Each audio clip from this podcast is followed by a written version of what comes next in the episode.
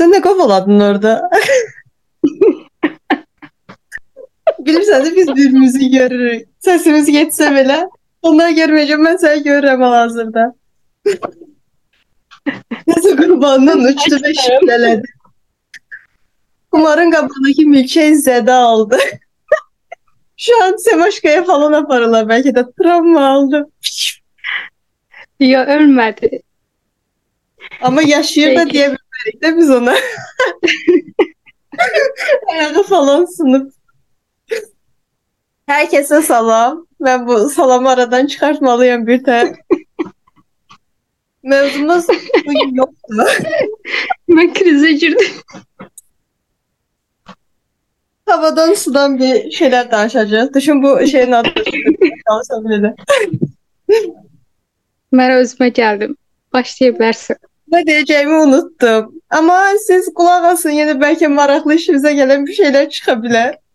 Yine sadece Belki. diye talking yapacağız. Ama başka Ne? şey değil. Dirty talk. Hayır arkadaşlar tüm video bipleme istemiyorum. Nəzərə alsaq ki, bayaq xumarın rəziyyəti ilə çarpıldım amma İstəyirsən e, O bunu söhbəti bilmirlər. şəxslərə O də bayaq oldu. Bayaq, hə, biz bayaq şeylədik. Bu videonun denemi yoxlamağa çalışdıq ki, səsimiz çıxır ya çıxmır. Və Xumar mənim bir dənə saatla şoka saldı. Öz saatını belirtməyə çalışıb bu saatla iş. Mənim saatim fərqli işləyir. Evet, mənim tələbəm deyir saat 8-də gələcək. Hələ 2 saat var. Amma bizim şu an saatımız ya 3 ya 4-dür. Aramızda da 1 saat var. Yəni eləyir 5 saat. Zaten 5 saata gəlir. O 2 deyil. Sən ekranın dondu. Mənim adım fərqlidir də, tez gedir vaxt. Bəs Sənin dondu. vay. Nəysə, məni görməsən də olar. Hayır. Məsələn görmək istəyirəm. Səsimi eşit bəs. Ee, nələr danışmaq istəyirsiniz bu gün? Bakıda havalar necədir? Əsas bundan başlayaq anda. Uzaqdan uzağa. Bu arada onu da qeyd edeyim ki, bir-birimizin yanında olmadığı üçün belə bir şey deyirik. Ekran şeyini də göstərmək istərdim, amma səsimizi ilk səfər dinləsəniz daha yaxşı olar. Şu an heç birimiz ekrana müsait biri deyilik. Çox möhtəşəm səsimiz var. Nə? Səsimiz çox müsaitdir. Çox, çox. Mən uşaqlıqda radioda işləmək istəyirdim və bu anımı danışmaq istəyirəm sizə. Bizim evdə bir zamanlar Bakıda yaşayan Elə bil 10 ildir gedib. O demə də. Çox uşaq olardım da, nə bilim, neçə yaşım olduğunu bilmirəm. 5, 6, 7, evdəkilər bəlkə bilər. Bəlkə də 10 yaşım, amma 10 olmazdı. Nəysə bizim evdə hər dəfəsində işıqlar gedəndə mən gedim televizorun qabağında televizor olurdum. Yəni xəbər falan danışırdım, özümdən sallayırdım bir. Allah'tan niye böyle bir şey dedim bilmiyorum. Evdekilerin büyük ihtimal yadındadır. Işıklar gedəndə şam falan yandığında mən keçirdim televizorun qabağına. Sanki televizyonun içindeymişçesine haber anlatırdım dünyadan. Coplayırdım. Niyə Qanımda var. insanlar bu vəzifəni niyə öz üstünə almısan? İnsanları əyləndirmək, məlumatlandırmaq. O yaşında bu ağır yükü çiyinlərinə almısan. Dünya xəbərlərini o qaranlıqda nə danışmaq məcbur idi. Şam işığında. Xəbər. Yəni hər yerdə işıq yoxdur, amma xəbər var evdə. Yaxşı ki olmamısan. Amma görünəcək içində qaldı şu an devam etdirmək çabam var. Bir şeyler olsun istəyirəm. Azərbaycan Mən biraz da belə qaranlıq mətbuatı drama etsəydi. birini itirdi. məzə ola bilərdim. Uzaq Bəlkə də qohum Azərbaycan mətbuatı çox başqa yerlərdə olardı. Daha aşağıda. Heç olmaya bilərdi.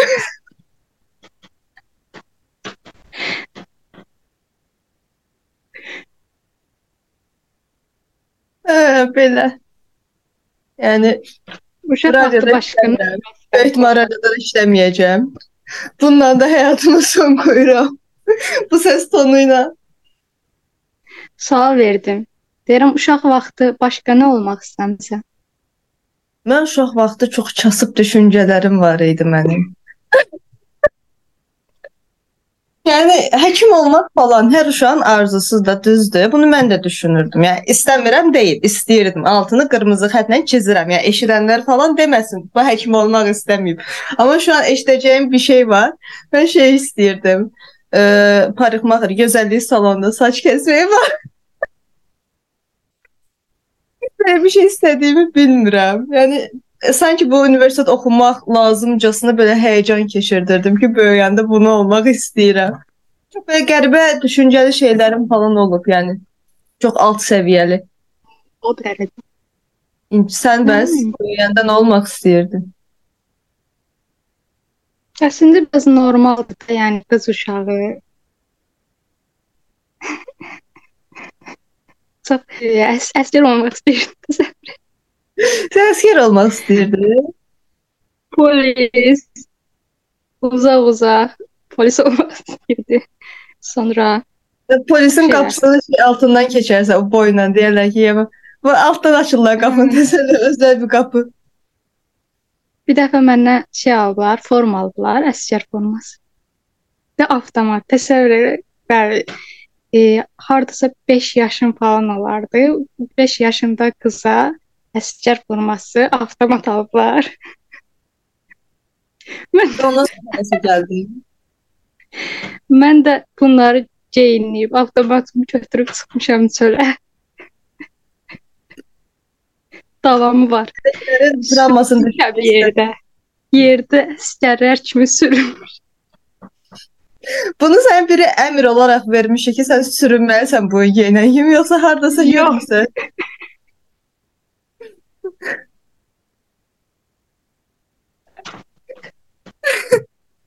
Səsli gör, görmürlər səni. Bunlar keçinir qabağımda, mən görürəm onu. Bu ara uşaqlıq anları gözün qabağına gəldi. Gözümün qabağına Yaşadım. Gəlib sürünmüşəm, gəlib evdə demişəm ki, mən əsgər oldum. Sürünməklə bir travma yaşamısan. Televizorda görmüşdüm. Ama ama büyüdün ne oldun? Sürünerek yılan.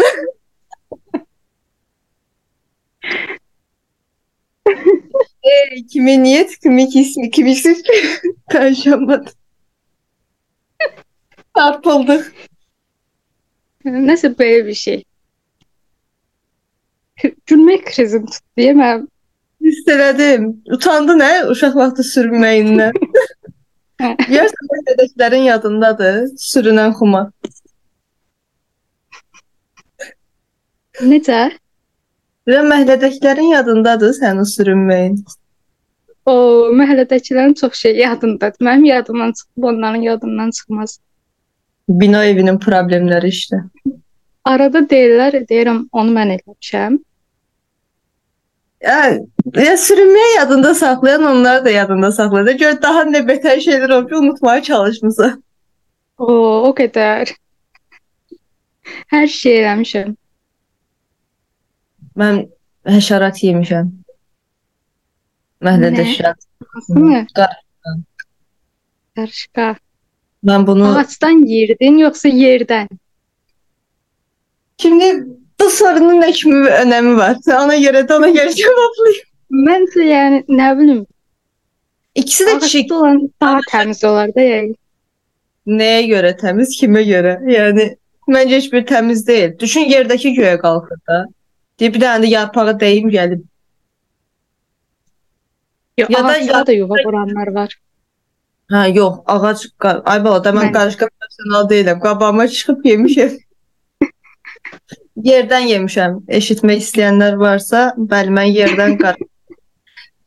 Bu Rus padruqam var idi, onun tırkasına gəldim. Yedim. Mənim qardaşım da yeyirdi. Yox da belə yeyirdi dediyin də Çinli falan deyil. Deməli yeyirdi. Götürürdü, yeyirdi. Dənləyirdi o dərəcə yəni. Yox, mən bir iki dəfə dadına baxmışam. Mən şeydə yemişəm, balda. Bala düşmüşdü, ölmüşdülər. Amma hamı qarışqa yeyir də. Yəni bu qarışqa yemirəm deyən adam da nə bilim, yəni ya qarışqa yeyəndə şoka düşən adam da düz adam deyil məncə. Mən bir iki dəfə deyəndə məni şoka düşdülər də. Yəni nə qarışqa? Yəni normal da. Qarışqanı normallaşdırmaq da Görəsən niyə yeyirik qarışqanı uşaqlar? Uşaq oluruq. Qara bir şey gedir qabağımızdan, maraqlı gəlir. Yəni başqa həşəratlar da olur. Niyə onları yemirik? Qarışqanı yeyirik. Bax səndə bilmirəm də necə olub. Götürüb yemisənsə, o sənin problemindir. Mənim yanımda tərifləyiblər ki, qarışqa dadlıdır, biz yeyirik dadına bax. Yəni məni bunu kababmışcasına vurğulayıblar. Başa düşürsən? Protein. Protein nə? Bəlkə ona görə şu an kökəlmirəm. Formumu karıncaya borcluyum arkadaşlar. Nə bilim. Hmm, belə. Bakıda hava necədir? İlk 10 saniyəsində soruşduğum sual. Soyuqdur, soyuqdur. Çox soyuq. Bu gün lap soyuq. Bura qədər olmasa belə, hə, oranın soyuğunu bilirəm, amma bura daha soyuqdur ora baxanda. Yəni düşün, ora soyuqdursa, Və Ləman yəni elə bil ki, yaydadır. Elə geyinib. doğrudan bura soyuqdur. Mən burada şey oturmuşam. Qumar sweatshirt falan üst-üstə. Ə, bu da bürünmüşəm bu dəqiqə. Ev istidir də biraz ona görə, amma normalda buranın soyuğu dəhşətdir. Apreldə qar yağdığını sənə demişdim, yəni. Düşün indi nə dərəcə soyuq olduğunu. Vay vay. Sənin tələbən neçədə gəlirdi? 2 saat 8-də. 8 amma 4 saat var.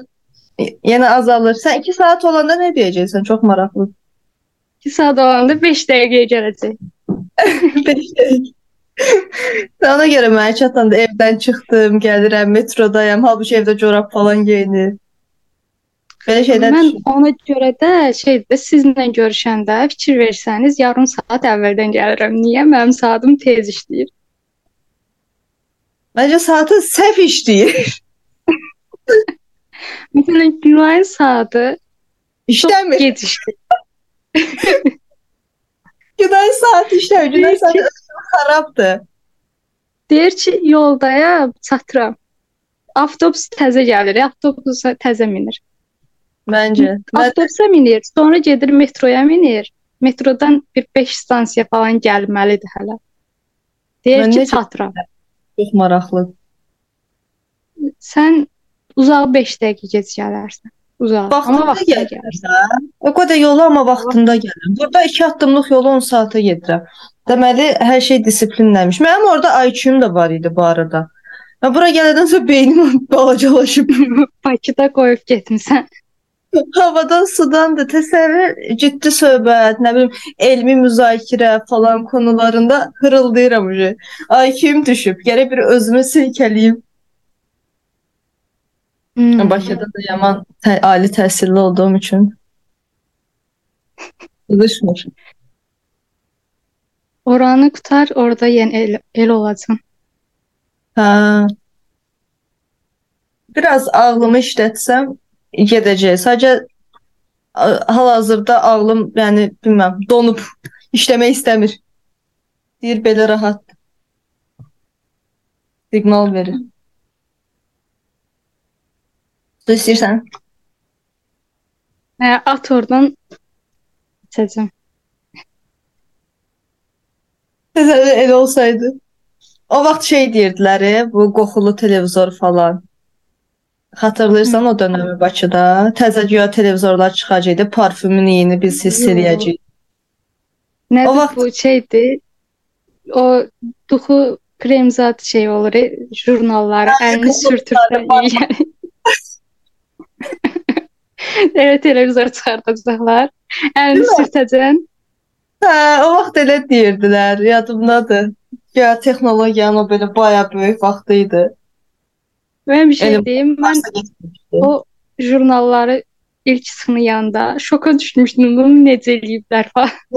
Aa, mənə də maraqlı gəlirdi və hər, yəni içindəki hər şey, bütün duxları yoxlayırdım, amma qoxusu da çox gec gedirdi. Yəni kataloqun içində duxu olmayan kataloqu sevmirdim. Bağımlılıq imiş o. Belə. Belə belə. Mən bunu dünən deyəndə gərək biz bağlımıza bir şeylər tutardıq ki, bu gün bunu sual verin. Ha, adboy verən adboy demək. Telefon demək. Bağlayandan sonra yadıma düşsə, Onu da artıq sonra. sonra qəşəng mövzu seçə bilərik. Sən dediyin də yaxşı idi, amma bu səfərki hmm. Mən nə demişdim? Sən mən baş, ya sən dediyin xatırlayıram o. Gələn dəfə saxlayaraq. Dünən başqa bir şey dedi ki, arada qaynasın. Qeybət də eləyə bilərdik. Hə? Amma necə eləyəcək də hamı bir ad deyə bilmərik axı. Amma bir-birimizi başa düşürük ad demədən. Ya qeybətin o qədər, yəni bir şey bir insan o qədər mallığına məxsusdur ki, adın demədən elədiyi şey deyəndə biz anlayırıq ki, artıq kimdir bu adam. Ya ətrafımızdakı malların Cə mən birini tapdım şey, o loqo istəyən. Aa! Səs elə bunu eşidir orada və çox pis olaram. Mən Yazır. Hanı mənim loqom? nə oldu bə? Fikir Ən verdim son- o loqo deyəndə qrupa girmədim. Baxmadım. Mən özümü yandırdım, yazdım cavab. Yandırdım özü. Pis bir şeymiş kimi də. Əslində elə bir şey deyil. Sadəcə internet problemim var. Əgər eşidəsi olsa, bu dəqiqələrə çatsa, sadəcə internet problemim var. Mən yəni e, çəkirəm ancaq kağızda falan. Ona görə kompüterdə falan bilmirəm. O dizaynerlərə getdim məncə. Mən eləyəcəydim də, söz vermədim. Amma amma söz vermədim də, yazdım axı, söz vermirəm. Vaxtım olsa eləyəcəm. Elə bir şey demədim. Dedim. Sonra kimi? Dur sənə Deməsən də sənin tərəfində durub deyəcəm, dedin. dedin. Sən kimi deyim? Bax adını demədən bir şey deyəcəm, başa düşərsən. Mən olduğum yerdə hər yerdə şəkli var. Hə. Hə? Nerdə? Hə. Aa, Bildi. Hə. Əmin sən anladığını. Qismən cinsiyyəti ayırmağa çalışıram. Biraz da nəsədir? Biləcəm. Uzun. Bildim. Mən mal. 100% bildim. Yəni mənim sıxışdırsan gəldiyim vaxtdan heç o qədər şey yoxdur burada. Ancaq sən olan yerlərdə şəkil çəkdirir, yoxsa Yox, əksinə daha bərbad yerlərdə. Səncə mənim elə yerdə şəkilim var? Ya bir restoran qabağında niyə şəkil çəkdirim axı? Bir kafenin qabağında. İşte Türkiye'de olduğunu demeden göster. Merhaba. Onunki de biraz ona benziyor. Hə, hələ turistdir də. Hele Ve turist, turist adıyla gelmeyip ki. Nə olsun, qoy hələ kəşf eləyir oran. Keşfedesin. Yine Ben- başladı. Bazı şeyler düşündük. Mara sual verme falan kararına geldim dedim. Belki qonağımızdır. Danışacak şeyleri var. Mardan maraqlı məlumatlar. Aha. Sen ne demiştin? Uşaqlıq yoksa mektep? Ya, məktəb, məktəb. Ha, baş Hmm, məktəb Başda travmaları. sual verdi. Hə, Xumarın məktəb travmaları varmış. Onu soruşaq görək.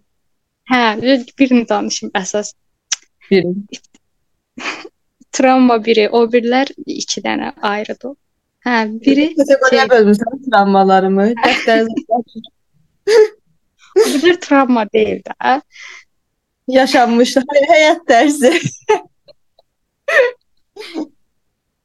Hə, şey ibtidai sinifdə mən çox necə deyim, sakit, nə deyildi, onu eləyən uşaq idim də. İndi Həm də çox dərslər dərs dərslərim də normal da, yəni oxuyurdum. Bir dəfə müəllimə sinifdə yazı verib, şeiri köçürtmək.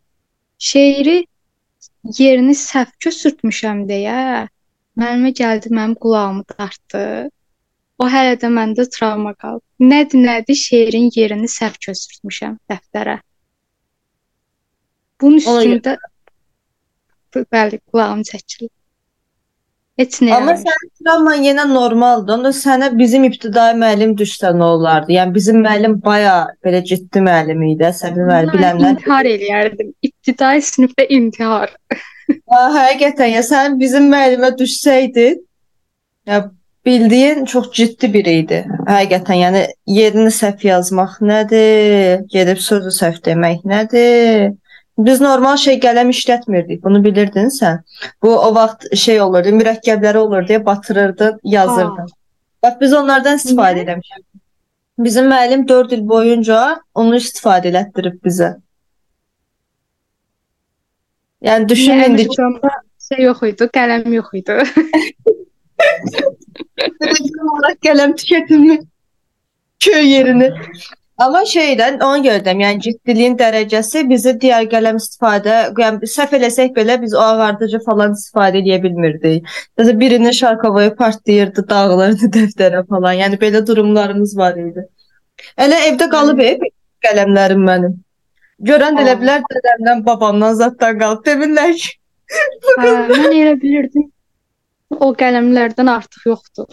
Hardan artıq tapırdınız bu arada? bu vaxt olub da hamıda tapırdı. Aa, Yəni hələ şey alırdıq, mürəkkəb alırdıq sinifə falan belə. Pul cəmaət pul yığıb mail falan alır. Aa. Yəni indi yəni indi sən get travmanı bir də o ağıllı lövhə falan yox idi. Sonra o flomasterlə yazılan lövhələr hələ çıxmamışdı da. Amma biz şey eləyirdik. Nədir, kağızlar qoyurdu müəllimə. Sonra üstünü böyük skoslarla skoslayırdılar. Flomasterlə biz elə yazırdıq. Biz daha da irəliyə atlamaq istəyirdik. Siz daha da geriyə. sənin müəllimin Elon Musk falan olmayıb. ya həqiqətən sizin yəni o travmanı saymasaq normalda sinifiniz normal olub belə IQ falan yerində idi. Biz dala atlamışıq. Uha ha ha çinqaçuk. O yerində olub, o ayrı məsələ. O qədər əziyyətə keçmişsinizsə bir dənə lövhə üçün məncə normaldır bu. Müəllimin də qəşəng, yəni normalda neçənci sayılır o 2006 O idi. sən nədəndir? O pul yığa bilməməkdəndir. Sinifdən pul çıxmır. Bir dənə söz var, e, deyir ən e, kreativ fikirlər tənbəl adamlardan çıxır.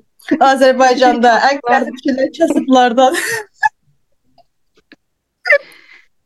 Biz o qədər pul yığa bilmirdik ki, həqiqətən, yəni süpürgəçi Ağlayıram. çox az verilir. Onsuz da süpürgəçiyə hər adam bu bir aydan bir 1 manat verirdi. Elə yığırdıq uşaqlardan pulu. Yuxarı sinifdə. Sonra- Yuxarısı. 1 manat da o vaxt 1 manat idi da, yəni. O vaxt kukuruzlar belə 20 qəpik idi. Nə danışırsın? anda. Sonra şeydi, zorla pul yığıb peç almışdıq otağa. Bir hardasa dəqiq bilmirəm qiymətini yox, amma ağlımda nəsə 70 manat falan qalıb. Amma məncə çox idi. Çünki çox hündür 70 bir də idi. Onu da təsəvvür təzə almışdıq, 2 gün falan işlətmişdik də. Bir gün səhər gəldik ki, peç yoxdur. Şoka Yəni balaca da deyil, belə çox böyükdür, bizdən hündürdür də peç o dərəcə. Bir də enli. Belə baxırıq peç yoxdur. Nə bilim, qapı açar müəllimdə olub, qapı bağlı olub, pəncərələr bağlıdır. Sonra polis gəlir o dərəcə. Heç üçün. Polis də gəlir. Bu peç bu. sonra yox açır. Sherlock falan çağırardınız ayaq izlərinə falan baxardılar, qapıdan kim çıxıb. Baxdılar, deyəsən şey, pəncərə açılmışdı. Zorla. Yəni o adam bilir ki, o peş ordadır deyə gəlib də, yoxsa biri niyə sinifə bir peş üçün girsin? Bilmirəm. Ya uşaqlardan biri uğramışdı. Neçənci sinif idi? 7-də 8-də oxuyardıq. O 7-8-ci sinif yaşlarımı düşündüm də. Təzə erkən. Hə. Mən ergənliyimi Ya da deyəsən çöldən 6-7-də yaşadım. keçib eləyəndə pəncərədən görüblər yəqin, çünki çox böyük idi, görünürdü. Görüblər, bəyəniblər. Sizin sinifin qızmama səbəbi nədir? Yəni niyə belə peşə ehtiyac duymusunuz? Çünki bizim sinif çox uzaq qalırdı. Elə bil ki, məktəbdən, məktəbin çox uzağında qalırdı biraz. Mən Ora məktəbin kimi gəlmirdi. dedim məktəbdə də. İstisi bizim otağa kimi gəlmirdi. Ona görə. Deməli travmalarının başında peşdə dayanır. Sonra təmir oldu deyəsən düzəldi. Bir də Pulunuzu pes almadı. Yox, kim qaytaracaq pulumuzu? Oğurlayan, oğurlayan istəplər. O qədər polis çağırmısınız. Polis nəyə gəlib? Ha, sinifiniz isinmir. Valla bilmədim polisi kim çağırmışdı. Deyəsən direktor çağırmışdı, bilmirəm. Yüz sözündə direktor oğurlayıb. Öz üstündən atmaq üçün. Polis də gedibsə Yox, deməli ki, polis paltarında adam gəlib. Sizin başınızı kandırdı. Pəncərədə Neçənci dedektiv mərtəbə? Sherlock. Birinci mərtəbə. Bir də Təmir sən. falan da yox idi. O, 7-8-də siz birinci mərtəbədəydiniz. Bircə sinifə görə idi mərtəbələr. Yox. Bizdə yox. Elə bir 5-dən 11-ə kimi o otaqdaydı. Sonra ibtidai sinifdə birinci mərtəbədə idi, amma başqa tərəfdə. Hə, bizim məktəbdən danışmaq istəmirəm. Başqa zamana saxlayaram. Əmircan kənd orta məktəbi. Kənd orta yazdı. Düz orta. Yox, Əmircan kənd tam orta məktəb. Bu arada tamdı. A, Elə də tam ortadır. yox, əvvəllər orta məktəb gedirdi hamısı. Sonradan necəsə hamısı tam orta məktəb oldu. Bilmirəm Yəni niyə. arasındakı fərq nədir? Yəni şu an onu anlamış deyiləm. Yəni nə qədər şey olsa, Bizdə də elə idi, sonradan dəyişdi. indiki təhsil sisteminə baxışınız. Baxmıram, baxmamağa çalışıram. İşsizlik. Hə, Rayon məktəblərinə niyə getmirsən? Nə rayon məktəbi? İş üçün. Mən məktəb müəllimi deyiləm. Hə. Aa.